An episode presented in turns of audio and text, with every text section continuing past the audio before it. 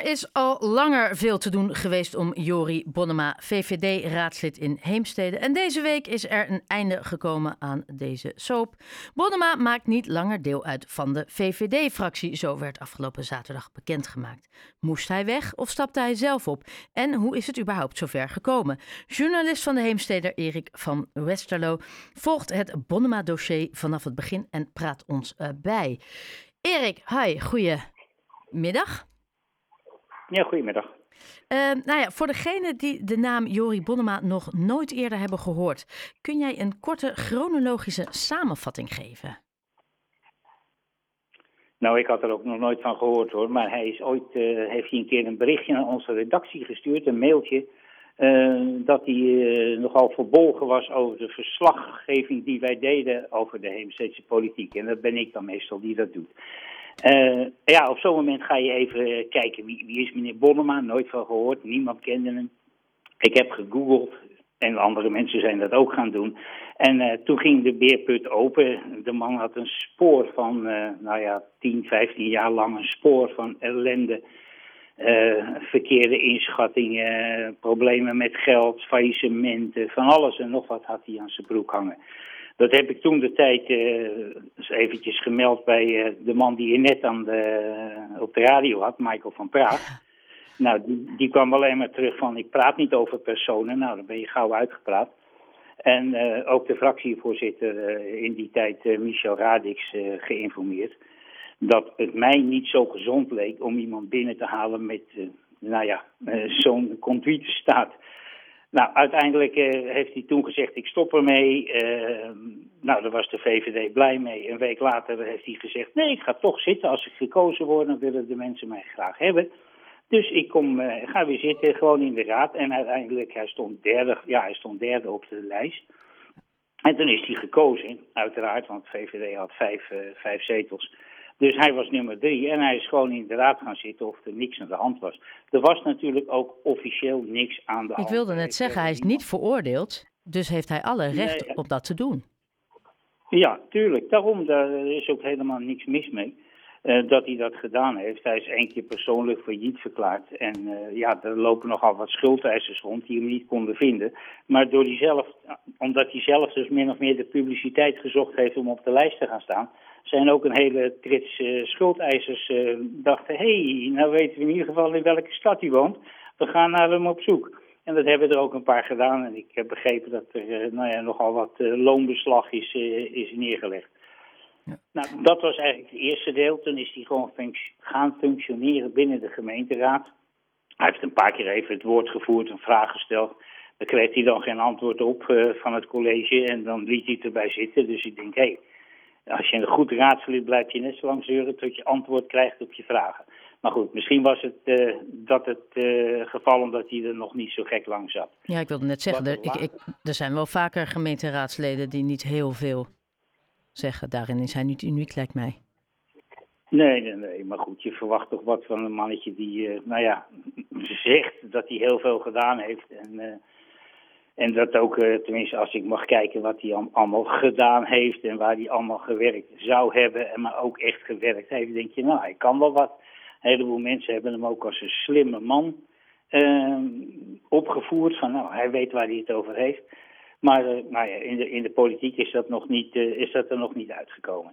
Nu blijkt, dat wist ik ook niet hoor, maar hij blijkt dus op het platform, een, Facebook-platform, Politiek Café Heemstede.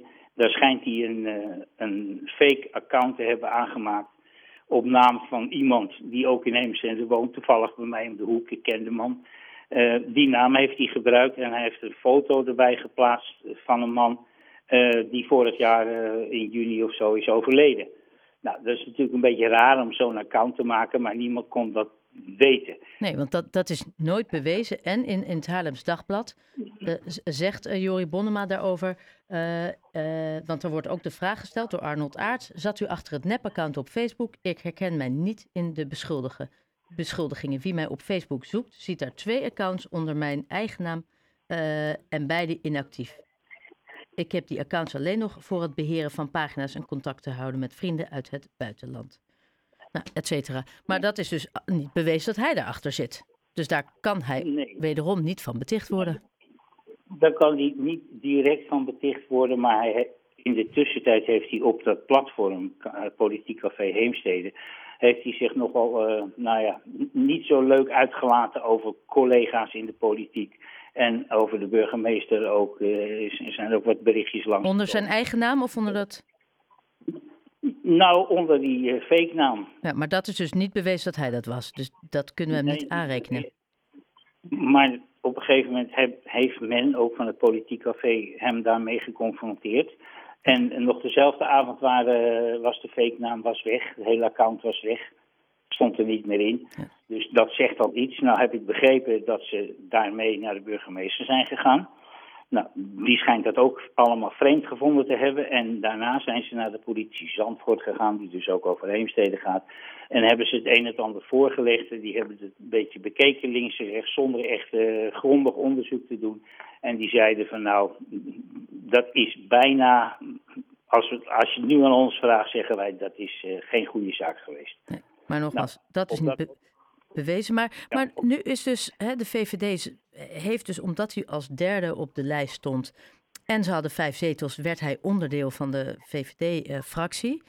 en nu is dat alsnog, zaterdag eh, werd dus bekendgemaakt dat ze geen langer, niet langer met elkaar verder gaan. Wie heeft die keuze gemaakt? Was dat Jori Bonnema of was dat de keuze van de VVD? Nou, ik heb het natuurlijk de VVD gevraagd en die zeiden we, hebben, we wisten dus wat er speelde.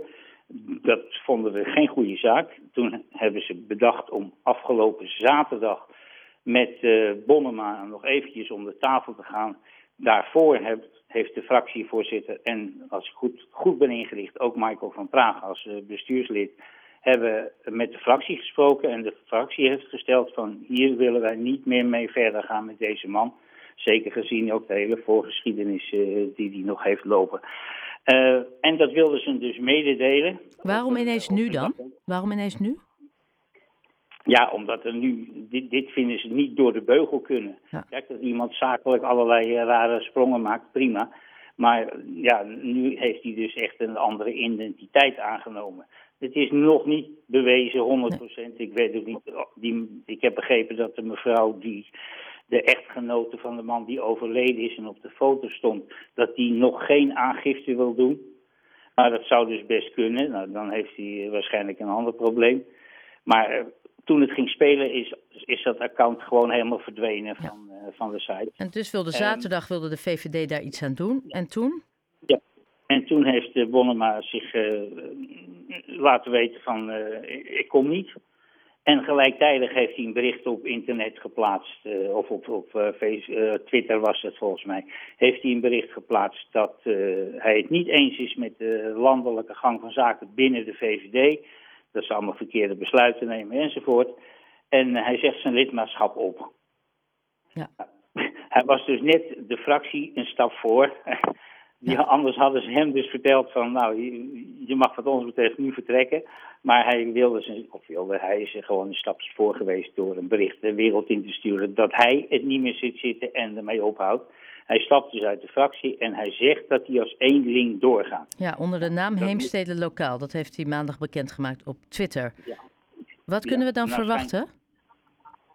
Nou, hij schijnt Heemstede lokaal al negen maanden geleden te hebben eh, ingesteld.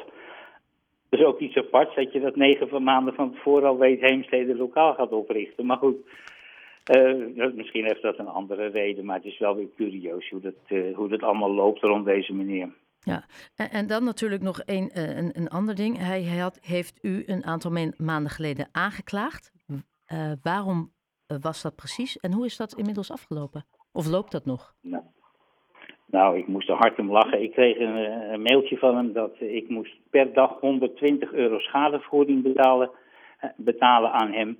Eh, hij had een deurwaarder die stond klaar om dat bij mij te komen innen. En hij had de advocaat in de arm genomen. En hij had de raad van de journalistiek had hij een klacht ingediend over mij. Nou, van alles is dus niks terechtgekomen. Hij heeft nooit geld gehad, is nooit een deurwaarder geweest, geen advocaat. En de raad voor de journalistiek, die weet ook van niks. Dus eh, En waarvan betichtte hij u dan? ja, Ja. dat ik zijn naam had eh, bezoedeld en zo. Maar ja, ik had zo'n gigantische lijst met wel, twintig gedupeerde eh, bedrijven, privépersonen enzovoort. Dat, nou ja, hij had geen poten moeten staan. Hij kon dat nooit, uh, nooit ontkennen. En hij ik heb hem in de tijd, toen ik het eerste artikel schreef, heb ik nog eigenlijk heel rustig gemaakt. Rustig gelaten en niet uh, te veel beschuldigingen geuit. En, uh, en hem eerste kans gegeven voor weerwoord. Net als Michael van Praag trouwens. Nou, van Praag heb ik nooit meer wat van gehoord. En hij heeft keurig een bericht teruggestuurd. Het was allemaal niet waar. Het was allemaal de schuld van andere mensen. En dat liep toevallig zo. En nou ja, een heleboel uitvluchten. Maar uit het eind van het liedje was dat het gewoon allemaal wel is gebeurd. Heeft dit nog impact op de VVD zelf? Of is het hiermee afgerond? Gaat uh, Jori Bonnema de ene weg en de VVD door met waarmee ze nu mee bezig zijn? Ja, ik, ik neem het aan van wel. Uh, ik heb, uh, ja, nee, ik denk dat ze gewoon, uh, er komt iemand, nee, er kan iemand in de plaats, maar ze hebben nog met D66, Partij van de Arbeid en CDA, hebben ze nog steeds de meerderheid in de raad. Dus dan maakt, heeft dus dat, dat, verder geen impact? Nee, ze hebben een stem minder, maar ik, ik ben benieuwd of Bonnema verschijnt, want hij heeft natuurlijk nu dit uitgekomen is niet echt vrienden gemaakt onder de andere raadsleden en de burgemeester. Ja. Dus ik ben benieuwd uh, of hij daar nou echt uh, gezellig gaat zitten. Ja, nou ja, dat is een kwestie van afwachten. Erik van Westerlo, journalist van de Heemstede, heel erg bedankt voor uw duiding op dit, nou ja, op Jori Bonnema en de VVD in Heemstede. Dank u wel. Oké, okay, graag gedaan.